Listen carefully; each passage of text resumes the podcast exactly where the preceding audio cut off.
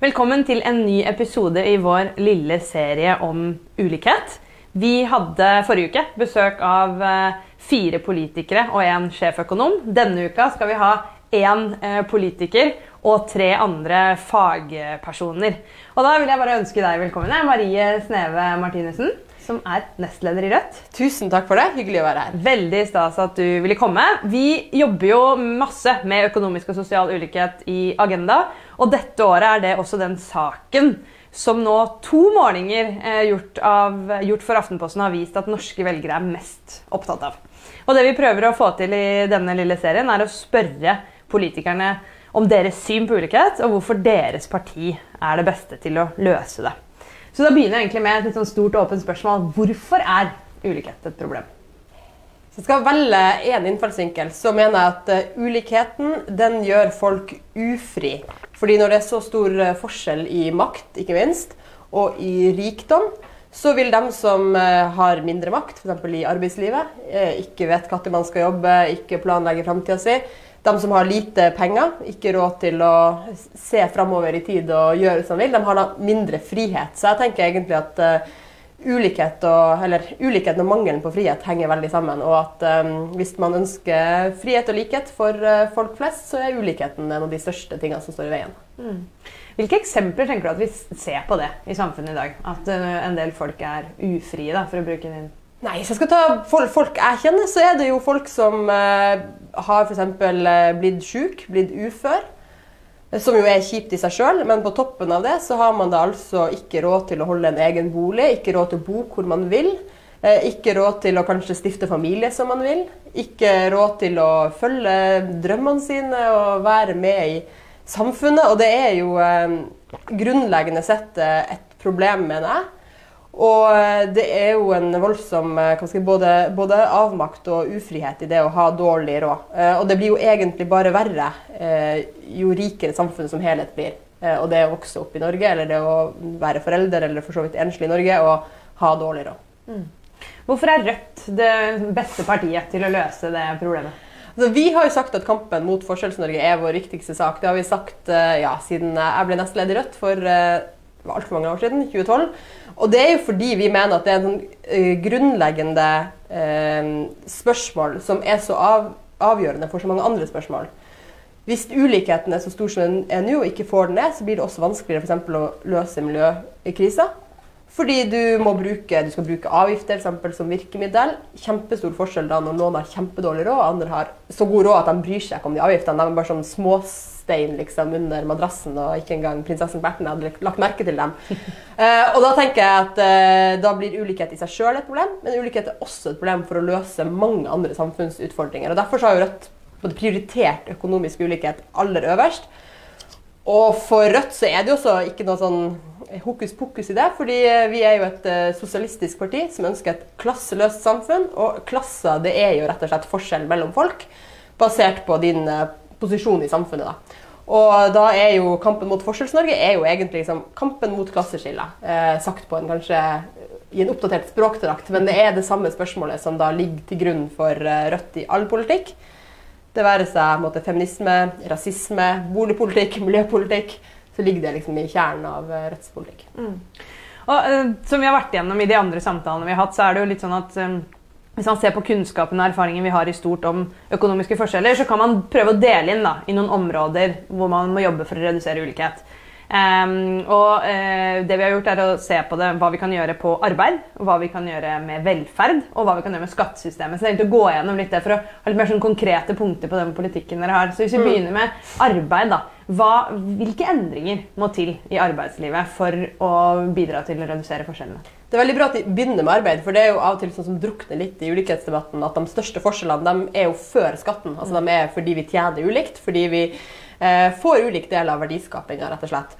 Og vi mener jo at det vi trenger er et, eh, et, eh, liksom, å kaste om på maktforholdene i arbeidslivet, rett og slett. At arbeidsfolk får mer makt i møte med sin sjef. Og Historisk sett har man gjort det i Norge med å bygge, eh, bygge fagbevegelsen. At man har stått sammen, og det er åpenbart veldig viktig. Men i dag så er noen av de største truslene mot den makta som arbeidsfolk har, det mener vi er bemanningsbransjen. Fordi bemanningsbransjen eh, er designa for å bryte ned det kollektivet som, eh, som de som jobber i laget. Fordi i, når du er ansatt i bemanningsbyrå, så blir du leid ut til ulike plasser. Du kommer på byggeplassen, men du jobber egentlig ikke der. på den byggeplassen. De som er der, er egentlig ikke dine kolleger. Og vi vet også at bemanningsbransjen, som jo tjener penger på å leie ut folk, har vært en av grunnene til at vi ser eh, veldig mye sosial dumping og dårlige forhold f.eks. I bemanningsbransjen, men også nå stadig mer i helse og omsorg. Så det å forby bemanningsbransjen er da, mener jeg, noe som vi ikke kommer utenom hvis vi ønsker å gi arbeidsfolk mer makt. Og Den andre tingen er jo da å fjerne oss med kommersielle aktører i velferden. Fordi Lenge så har det vært litt sånn at man tenker at det her med å ha lite makt på arbeidsplassen, det er liksom sånn mannsdominert privat sektor-ting. Som er liksom sånn eh, Hører hjemme der. Men gjennom de kommersielle aktørene så er det stadig større grad av det også i offentlig sektor. Fordi det ikke er kommunen eller staten som er arbeidsgiveren din. Det er eh, en kommersiell aktør som skal tjene penger på det de gjør. Og vi har sett eh, mange eksempler på hvordan eh, arbeidsforholdene har blitt tynt i helse og omsorg, i barnevern.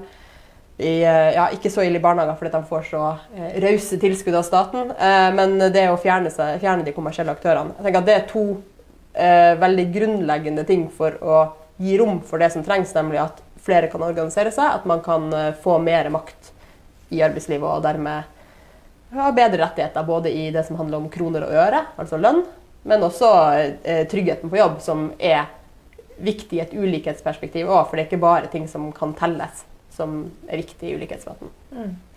Og det andre var velferdssystemet. For det ser vi også ofte i ulikhetsdebatten. Så, så refererer man til Gini-koeffisienten, som altså måler hvor stor ulikhet det er mellom 0 og 1. Og hvis alle hadde hatt det samme, så hadde den vært 0. Og hvis én person har alt, er 1. Og vi ligger jo eh, Vi har likere inntektsfordeling bl.a. enn en, enn mange andre land. I hvert fall ifølge offisiell statistikk.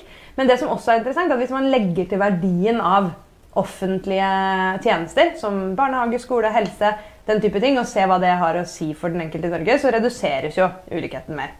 Eh, og det sa jeg også bare for å vise eh, hvor viktig velferdsordningen også er. Men så er det mange partier, og da spesielt opposisjonspartiene, som likevel vil, altså vil utvide velferden og gjøre den enda viktigere. Så hvilke ordninger er da viktige? Det er jo også en, en del av den måte, tradisjonen vi har hatt i Norge om både å bygge sterke fagforeninger, men også å ha en offentlig felles velferd. Og Der mener jo også Rødt at eh, litt for lenge så har venstresida stått liksom med ryggen mot veggen og kjempa mot eh, kutt. Og det er veldig viktig nå at vi kan gå til valg på å jobbe for faktiske forbedringer. Og da har vi sagt at gratis tannhelse er den aller viktigste prioriteringa for Rødt. Og det er fordi Eh, fordi tennene er en del av kroppen, fordi det er helt ulogisk. Fordi det er også et veldig stort krav i liksom, befolkninga. Altså, det er et spørsmål som engasjerer veldig mange. Og ikke minst eh, det vi ser i dag, er at det er folk med dårlig inntekt helt åpenbart, som ikke går til tannlegen fordi man ikke har råd til det. Eh, og da sier alle at det koster veldig mye. Fint at de skal over på skatt etterpå for å finne ut hvordan man kan finansiere det. Men vi sier jo liksom gratis tannhelse er aller viktigst. Og så er det en del sånne arbeidsretta ordninger eller hva man skal si, arbeidstilhørende ordninger som vi er veldig opptatt av. Sånn som arbeidsavklaringsordninga, mm. som er når folk eh, har vært syke så lenge at man lurer litt på om du skal tilbake på jobb eller ikke. Regjeringa har liksom kutta ut hvor lenge du kan være på den ordninga, ned med et år. Og det har gjort at mange som da er alvorlig syke, eh, havner på sosialstønad. Og det er noe av det som eh, jeg syns er verst å høre om når man snakker med folk eh, som møter systemet. Hvordan man da blir kasta ut av ordninger før man har fått de svarene fra legen og de svarene man trenger for å liksom finne ut hva som skal skje. Så det er å bedre eh, AAP-ordninga. Og vi er også veldig opptatt av at eh, barnetrygden skal komme alle til gode, også dem som går på sosialstønad. For i dag er det opp til kommunen om man måte, skal jukseregne litt og si at eh, barnetrygden er en inntekt for foreldrene og det vil jo i praksis gjøre at det barnet ikke får den barnetrygden eh, i de kommunene der man velger den praksisen. Vi mener at det skal være mm, en, eh, en statlig garanti da, på at alle får barnetrygd, og at eh, er noe de også har foreslått. Det er ikke veldig dyrt og vil treffe veldig målretta for familier med barn som går på sosialstønad. Mm. Og så til finansieringen, da, som, som jo ofte er det som preger debatten. Um, og det er kanskje ikke så rart. Det er kanskje der de største, eller i hvert fall den debatten er mest polariserende i det norske samfunnet. For det handler selvfølgelig om skatt. Eh, både nivået på skattene og hvilke typer skatter eh, vi har. Så hva er det viktigste? Hva er den viktigste endringen dere vil gjøre med deres skatteopplegg som, som kommer til å påvirke utviklingen av forskjeller i Norge? Det viktigste det vi ikke har lyst til å gjøre, er som er å øke inntektsskatten for folk flest. Vi har satt en grense på 600 000, da vi mener at det skal bli lavere eller ingen eh, økt skatt. Og så er det hovedsakelig for folk som tjener over 2 millioner kroner, som vil da si den 1% rikeste i Norge som vil få økt skatt med Rødt sitt opplegg. Og eh, Skattepolitikken bør jo aldri være sånn at du sier sånn det her er den ene tingen vi skal gjøre, og der skal vi hente masse penger. Fordi eh, skattesystemet eh, er utforma og bør utformes sånn at man har mange ulike skatter. Eh, og Derfor så har jo Rødt levert et eh, helhetlig skatteopplegg som både gjør endringer i formuesskatten, sånn at man betaler mer skatt på store formuer, økt skatt på aksjeutbytte, økt skatt på høye inntekter, økt skatt på stor arv, Eh, og ikke minst også økt skatt på selskapsoverskudd. Så det er på en måte, mm, I skattepolitikken så er det litt sånn at svaret er pakken. Og pakken er alle de tingene der. Eh, samtidig som man eh, gjør eh, endringer i andre retninger for arbeidsfolk. F.eks. øke fagforeningsfradraget, eh, øke pendlerfradraget. Gjøre det lettere for dem som bor på brakke, betale mindre skatt. Enslige forsørgere, forsørgere minstepensjonister og mange andre. Mm. Og En av de skattene det har vært mest eh, debatt om i år, som egentlig i alle valgkamper, vel, er jo formuesskatten. Jeg tenkte jeg skulle spørre deg litt om hva For det blir jo ofte litt sånn harde ord kanskje på, eh, kanskje på begge sider. Jeg vet ikke om du er enig i det, men i, i hvert fall så Et sånn begrep som har dukka opp veldig nå, er liksom dette om og, eh, dette om samfunnskontrakt. At det at det var bl.a. gründeren av Oda som sa at han syntes nesten ikke det burde være Eller han sa sikkert ikke at det ikke var lov å klage, men han mente at når man er rik i Norge og, og um, har klart å opparbeide seg rikdom i Norge, så har man et ansvar for en samfunnskontrakt. Så hva, mm. hva betyr det begrepet for deg? Og hva er liksom din oppfatning av, av denne diskusjonen? Så Det er på en måte motsvaret på det som høyresida og liksom Ayn Rand og, og den delen av, eh, av tankeretninga i Norge eh, sitt bilde om at det er på en måte milliardærene eller de rike som er liksom heltene i samfunnet. Det er mm. dem som har skapt arbeidsplasser, det er dem som har på en måte bringer oss framover som samfunn. Og Av og til kan det virke litt som at norske milliardærer har lest litt veldig mye av Ayn Rand og ser på seg sjøl nettopp som disse heltene i samfunnet. Eh, Rødt er jo eh, tvert imot uenig i det. Vi mener at det er ikke milliardærer som skaper arbeidsplasser, men arbeidsfolk som skaper milliardærer.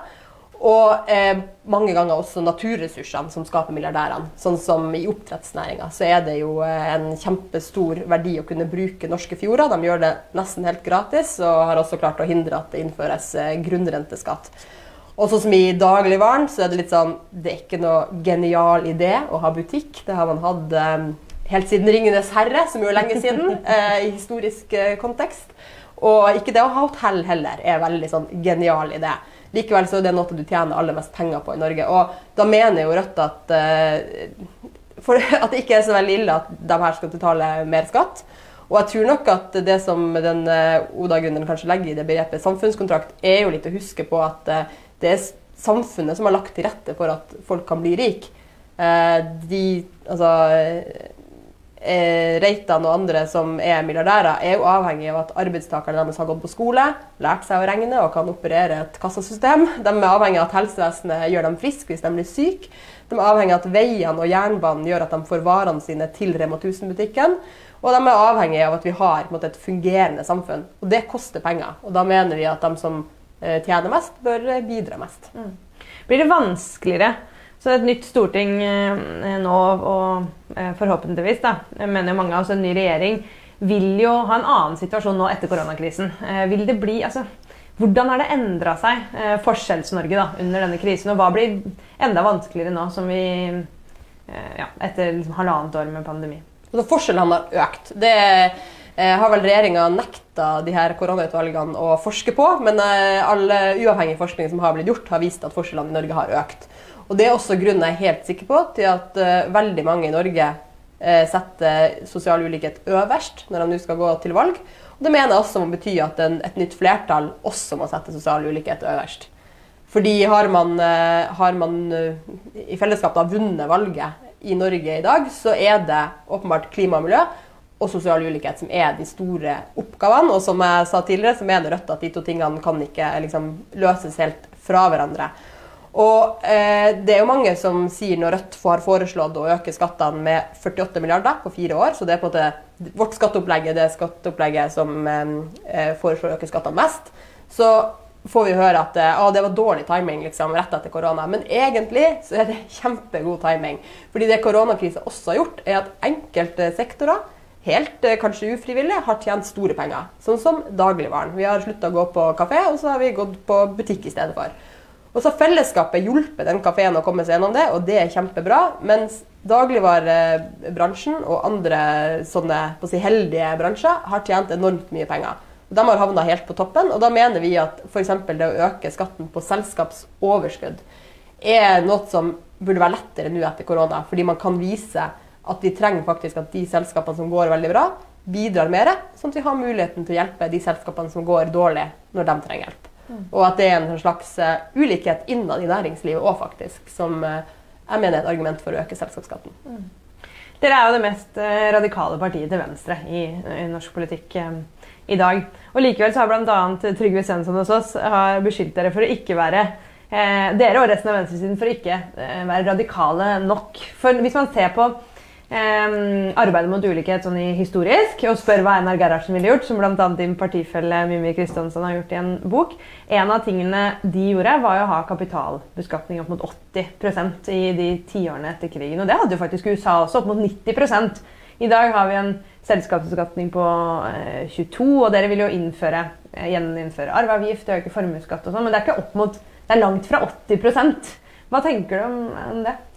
Altså, jeg synes for, for, det første at det er nyttig kritikk at kommer. For det, måte, det setter jo Rødt sin skattepolitikk i perspektiv. Men så skal det sies av 100 måte, kritikker av Rødt sin skattepolitikk, så handler jo 99,9 av dem at den er for radikal. Og så er Trygve Svensson 0,1% som er uenig i det. Og det tror jeg kanskje handler litt om at eh, når man driver på en politikk, så er man jo i en offentlig debatt. på en måte. Eh, og da skal du komme med løsninger som skal få tilslutning eh, av folk og som du skal også forhåpentligvis klare å forhandle med andre partier om etter valget for å få gjennomslag for. Og Derfor mener jeg at det er jo viktig å, eh, å ha en skattepolitikk som, eh, som, på en måte folk kan bli med på. Og Du skal kanskje ha lest ganske mye norsk historie, kunne ganske mye om skattepolitikk, internasjonal politikk, for å på en måte huske det og vite at ja, det kunne godt vært mye mer radikalt. Eh, så jeg tror at der Rødt har plassert seg, er på en måte, det er det mest radikale men det også mener jeg er helt realistisk. Og det er en ganske viktig sånn, uh, krysningspunkt. Det skal være realistisk både å gjennomføre Så vet vi jo at det er jo mulig å gjennomføre kjempestore skatteendringer på veldig kort tid. Men det er kanskje ikke realistisk å Rødt få gjennomslag for det. Mm. Så her mener jeg at eh, der, der, vi har lagt vår skattepolitikk nå i, i 2021 foran dette valget, er riktig nivå. Så håper jo vi at de får uh, med oss altså får med oss de andre partiene Eh, på venstresida til å gjøre noe av det her. Og jeg tror jo f.eks. at de som begynner innfasinga av gratis eh, tannhelse litt sånn kraftig, og folk legger merke til det, så vil det endre også folks oppfatning av skattepolitikk og gjøre det mulig å eh, gå lengre på en måte i neste runde. Men eh, her skal man på en måte snu en stor skute. Vi må huske at De rød-grønne partiene hadde, da de satt makta, hadde ett hovedløfte, og det var å ikke øke skattene. Og Det forteller oss egentlig hvor stusslig venstresida har vært når det gjelder ambisjoner for økt velferd eh, vilje til å skattlegge de rike. Eh, og der eh, er jeg veldig glad for at eh, det er en annen eh, melodi eh, fra Arbeiderpartiet og for SV og sånt nå før det valget her. Men jeg tror at det handler også om at Rødt har funnes, vært sterkere, vist at det er mulig. og at man da har kanskje følt seg presset, eller liksom vært nødvendig å også legge fram noe mer radikalt. Og det er jo også kanskje et argument for at det skattenivået vi foreslår, er liksom på et passe nivå. Eh, så eh, er det nyttig, nyttig, å få kritikk fra alle hold, egentlig. Mm. Kjempefint. Jeg tror vi lar det være siste ord. Tusen hjertelig takk for at du kom på besøk. Og følg også med videre på de neste episodene våre. Tusen takk.